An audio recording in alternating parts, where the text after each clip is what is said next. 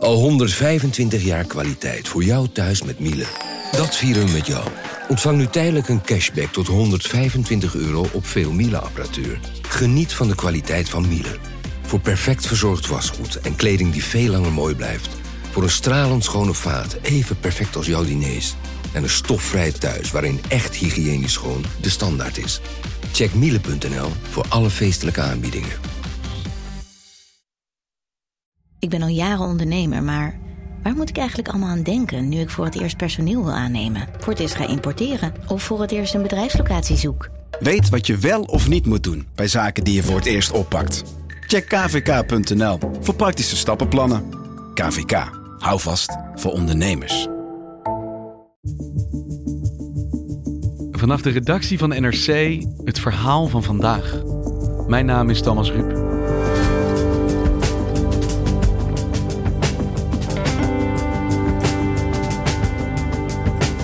Nu de uitslag van de Europese verkiezingen bekend is, breekt in Brussel een nieuwe fase aan. Het spel om de hoge posten. De twee machtigste instituten, het nieuw verkozen parlement en de regeringsleiders in de Europese Raad, moeten er samen uitkomen. Maar hun belangen liggen soms mijlenver uiteen.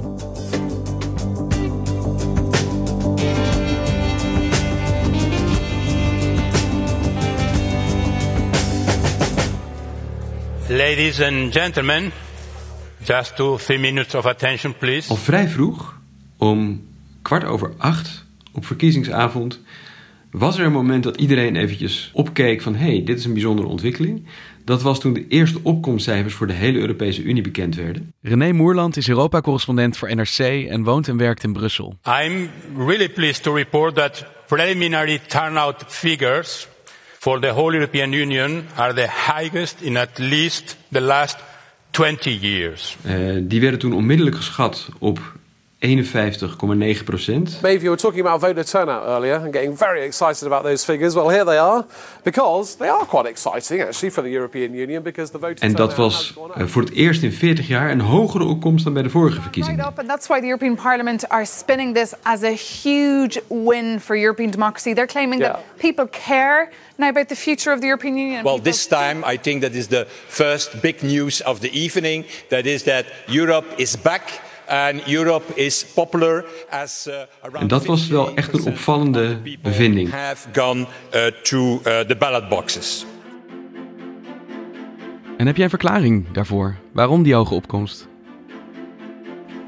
Nou ja, zij voerden vooral één verklaring aan, moet ik eerlijk zeggen, namelijk wij zijn belangrijk.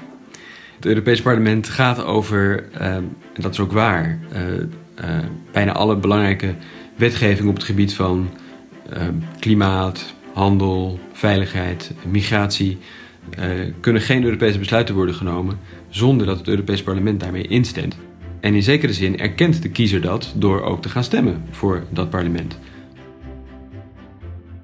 Maar er is ook nog wel een andere verklaring. Waar toenemende polarisatie is, je ziet het ook bij andere verkiezingen wel, waar de tegenstellingen tussen verschillende politieke stellingnames harder worden, eh, wordt de kiezer ook meer gemobiliseerd, meer gemotiveerd om te komen stemmen. De Europese verkiezingen zijn uitgelopen op een aardverschuiving in het Europees Parlement. Voor het eerst kregen de Sociaaldemocraten en de Christendemocraten niet de meerderheid. Veel stemmen... Tientallen jaren lang eh, waren de eh, politieke families, de Europese partijen van de Christendemocraten en de Sociaaldemocraten samen altijd goed voor de meerderheid. Met de Christendemocraten bijna altijd als eh, grootste. Nu is dat niet langer zo. Eh, De EVP van de Christendemocraten en de SND van de Sociaaldemocraten, als die onderling eruit komen dat ze het over iets eens zijn, dan is er geen meerderheid in het Europees Parlement. En dat is voor het eerst zo. En dat betekent dat ze naar andere partijen moeten gaan kijken. In heel Europa verliezen de christen- en sociaaldemocraten. En winst juist voor de liberale, groene en eurosceptische partijen. Dat is eigenlijk een gigantische verschuiving dus voor Europa. Waar die twee middenpartijen altijd gewend zijn met elkaar alles te kunnen regelen, hebben ze nu anderen voor het eerst eigenlijk nodig? Ja, maar eh, daar staat tegenover eh, dat ze zaken kunnen doen met twee andere, eh, ook weer middenpartijen, die voorheen niet zo'n cruciale rol hadden. Eh, de liberalen, die in het Europees Parlement nu bovendien samengaan met de beweging van de Franse president Emmanuel Macron. Zodat ze samen een grotere fractie vormen. Krijgen ongeveer 100 van de 751 zetels. En ook de Groenen.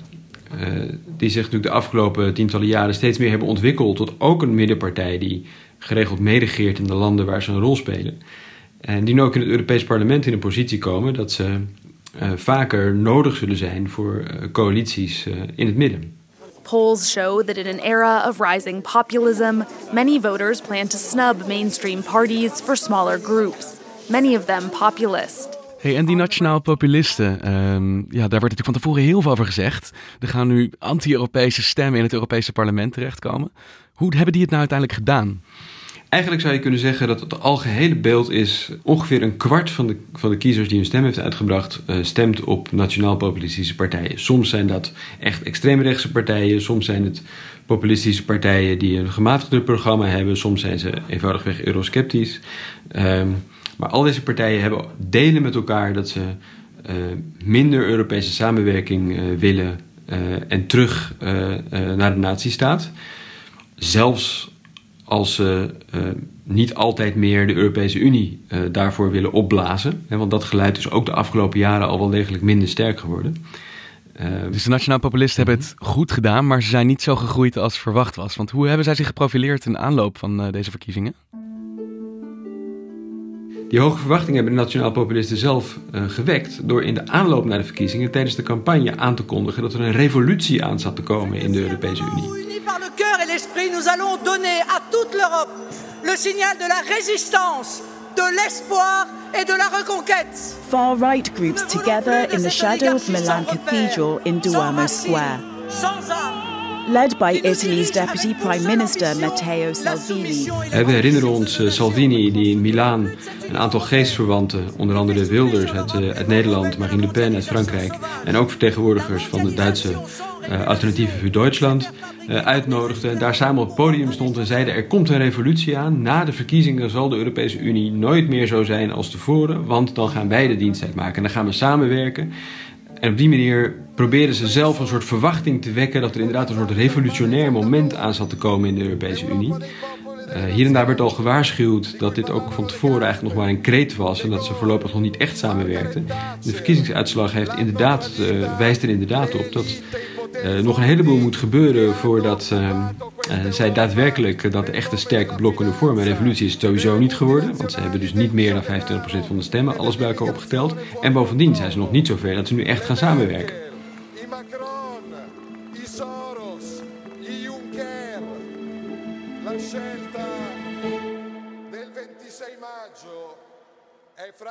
Ja, dus het is niet zo dat we nu zijn wakker geworden in een ander Europa waarin zij uh, de koers gaan bepalen. Een paradoxaal effect van deze verkiezing is uh, mogelijk zelfs dat de meerderheden die in het Europees Parlement zult zien ontstaan, eigenlijk juist weer meer aan de uh, linkerkant zullen ontstaan. Want doordat de christendemocraten en de sociaaldemocraten samen niet meer de grootste zijn, moeten ze meer zaken doen met vooral progressief liberalen en groenen. Uh, die heel ander, anders in de politiek staan dan nationaal populisten natuurlijk, maar die wel een grotere invloed op de meerderheid zullen krijgen. Dus eigenlijk de opkomst van die eurosceptische partijen zorgt ervoor dat het parlement als geheel misschien meer naar links gaat leunen. Ja, dat zou zeker zo, zo kunnen uitpakken, ja. Hey, en, en nu René, wat gaat er nu gebeuren, uh, nu deze ja, uitslagen bekend zijn? Nu uh, begint het spel om de topposten. En uh, dat klinkt als spel en spannend en wie haalt welke interessante baan binnen. Zo wordt het ook vaak beschreven, doen we zelf ook. Um, maar dat gaat wel degelijk over de richting die de Europese Unie de komende tijd neemt. Want vergeet niet bij het Europees Parlement, dat is één deel van uh, uh, de Europese democratie, waar de kiezer rechtstreeks een stem voor uitbrengt. Maar het andere deel is de rol van de nationale regeringen. Zondagavond uh, zat ik in het Europees Parlement om verslag te doen van de verkiezingen daar. Vandaag, dinsdag, verplaatst de aandacht zich weer naar de regeringsleiders. want die komen vanavond in uh, Brussel bij elkaar om onder het genot van een goed diner eens te gaan praten over hoe de belangrijkste Europese topposten in de komende maanden verdeeld moeten worden. En dan beginnen ze met de nieuwe voorzitter van de Europese Commissie. Voorzitter van de Europese Commissie is de belangrijkste baan in Europa die nu eerst uh, benoemd uh, gaat worden. En daar wordt het meteen al ingewikkeld, want in het Europees Parlement leven heel precieze wensen over wie zij willen dat de voorzitter wordt eh, van de nieuwe commissie. Dat moet namelijk, vindt een meerderheid in het Europees Parlement, een kandidaat zijn die de afgelopen maanden campagne heeft gevoerd als kandidaat voorzitter van de Europese Commissie namens een van de partijen in het parlement. In het Duits wordt dat wel de spitsenkandidaten genoemd, die naam heb je vaker gehoord. Uh, en de twee belangrijkste kandidaten daarvoor waren de christendemocraat uit Duitsland, Manfred Weber, en uh, de Nederlandse sociaaldemocraten PvdA-lijsttrekker Frans Timmermans. Today we are pitting two of the leading candidates head to head in their first televised debate. Well, our guests are the current first Vice President of the European Commission, former Dutch Foreign Minister Frans Timmermans of the Party of European Socialists. Hello there. Hello. And uh, opposite you, from the biggest group currently in the European Parliament, a German MEP who's backed by Angela Merkel but has never been a government minister or commissioner up to now, Manfred Weber of the European People's Party. Hello. Hello. Well, uh, Timmermans is bij ons natuurlijk de grote winnaar van de verkiezingen. En we weten allemaal, daar maakt hij ook geen geheim van. Hij wil graag voorzitter van de Europese Commissie worden. Hoe zijn zijn kansen nou? Gaat, gaat dat lukken? Meneer Timmermans, een Nederlands feestje hier. Zes zetels, daar bent u blij mee? Ja, fantastisch resultaat natuurlijk voor de Partij van de Arbeid. Europa breed gaat het wat minder goed. U verliest in Europa. Fors ook. Wat betekent dat? Dus niet dat dat als een verrassing komt. Uh, dat zat er al lang uh, aan te komen. In Nederland hebben de Sociaaldemocraten met de PvdA uh, gewonnen, zes zetels gehaald. maar in de Europese Unie als geheel hebben ze verloren. Maar in Duitsland bijvoorbeeld, zo'n groot verlies voor u. De hoop van Timmermans was dat um, de Sociaaldemocraten net de Christendemocraten voorbij zouden steken. En hij dus de aanvoerder zou zijn van de grootste partij in het Europees Parlement. Dan waren zijn kansen betrekkelijk goed geweest. Nu moet eerst eigenlijk de kandidatuur van Weber verdwijnen voordat Timmermans enigszins in zicht komt. Manfred Weber claimt al de overwinning. Als je in heel Europa verloren hebt, moet je ook afvragen hoe dat komt en hoe je de kiezers weer terug kunt krijgen met goed beleid. En een overwinning claimen lijkt me een beetje overdreven. Maar u wilt nog wel... Nou, deze Weber wordt door sommige andere landen beschouwd als een tamelijk zwakke kandidaat. Uh, met name de Fransen, maar ook bijvoorbeeld uh, uh, premier Rutte is niet in eerste instantie een, een, voorstander van deze kandidaat. meestal is de voorzitter van de Europese Commissie een zwaargewicht die ervaring heeft opgedaan, als het dan niet als premier is, dan op zijn minst als minister met een zware portefeuille die ook crisis heeft opgelost, et cetera. Dus hij heeft nog niet de ervaring, zeg maar, die uh, meestal uh, wel uh, die regeringsleiders belangrijk vinden voor een Europees voorzitter. Weber wil graag een coalitie gaan vormen met Sociaaldemocraten, de Groenen en liefst ook met de Liberalen, dus met die vier partijen, waardoor hij zelf gesteund zal worden door hen als commissievoorzitter, maar hij moet ze daar ook iets voor geven. En wat hij ze dan wil geven is dat ze gezamenlijk een soort programma opstellen wat de Europese Commissie in de komende jaren moet gaan doen. Een, zeg maar, regeerakkoord.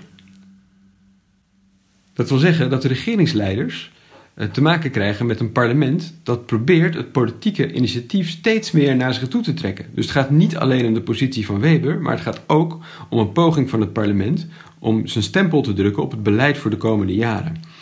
En dat zullen we dus zien in de komende weken, in hoeverre de regeringsleiders dat toelaten, of dat ze gaan proberen om uh, met andere kandidaten te komen die helemaal niet zo gebonden zijn aan het Europees Parlement. Dat wordt een heel interessante strijd in de komende dagen en weken. Dus het Europees Parlement gaat deze verkiezingen aangrijpen om zijn eigen macht te vergroten? De leiders van, de, van die verschillende pro-Europese groepen in het uh, parlement, uh, die zijn met elkaar in het overleggen proberen al zo ver mogelijk te komen voordat de regeringsleiders vanavond met elkaar aan, een diner over hetzelfde onderwerp gaan spreken.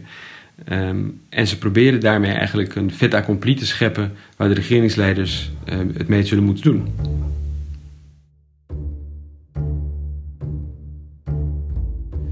Kijk, dat, het is een diner, um, maar behalve dineren gaan ze ook kwartetten. Eh, ze hebben uh, al die, die regeringsleiders die daar zitten, die hebben een aantal kaarten.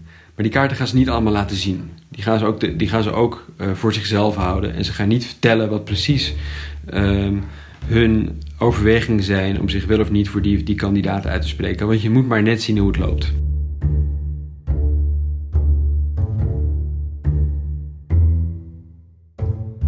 Timmermans en Weber moeten dus gaan samenwerken om die coalitie te vormen, om uh, samen een soort regeerakkoord uh, voor elkaar te krijgen. En tegelijkertijd zijn ze elkaars grootste concurrenten, want ze dingen allebei naar een plek als uh, voorzitter van de Europese Commissie. Hoe moet dat dan samen? Je zag al tijdens de campagne dat het twee heel verschillende personen zijn de wat timide, heel vriendelijk overkomende uh, Manfred Weber. Wenn ich in meiner Heimat bin, ist das Wichtigste für mich, mich mit meinen Freunden zu treffen. Gemütlich beisammen zu sitzen, zu reden. Mensch zu sein. Nicht Funktionsträger, nicht Politiker zu sein, sondern Mensch zu sein. En dan heb je de veel meer uh, theatrale Timmermans, die echt op campagne was door uh, met stemverheffing, door met retorische uh, trucs. We should put all our efforts in unchaining the people from their fears by writing a future a progressive future, a future we can believe in.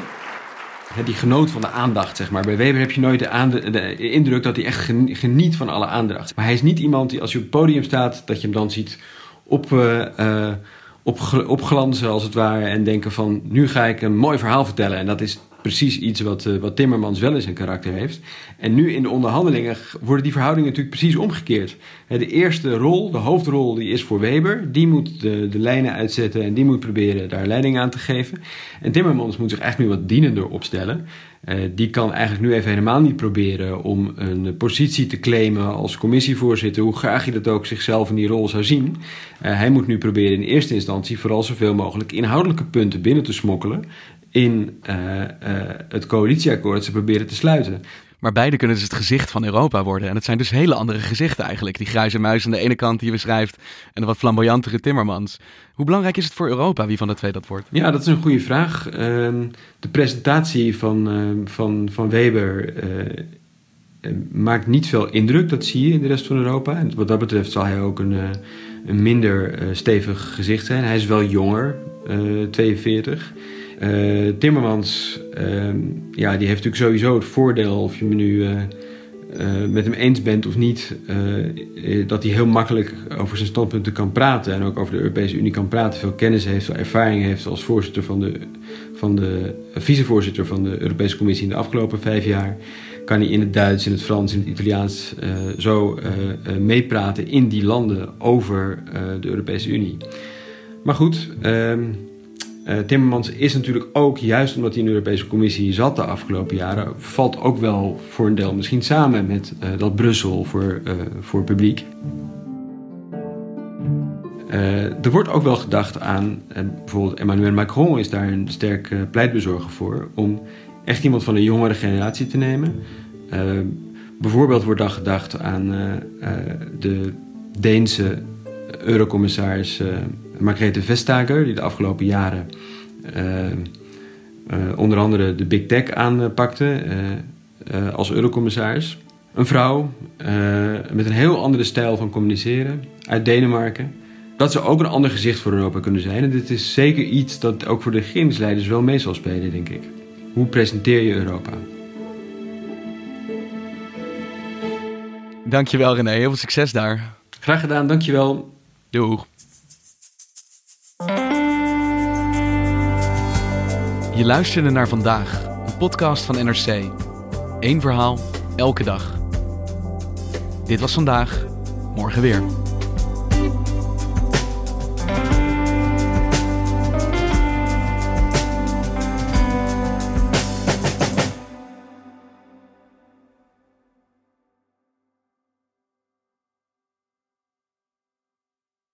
Technologie lijkt tegenwoordig het antwoord op iedere uitdaging. Bij PwC zien we dit anders. Als we de potentie van technologie willen benutten, kunnen we niet zonder een menselijk perspectief. Human-led, tech-powered noemen we dat. Ga naar pwc.nl.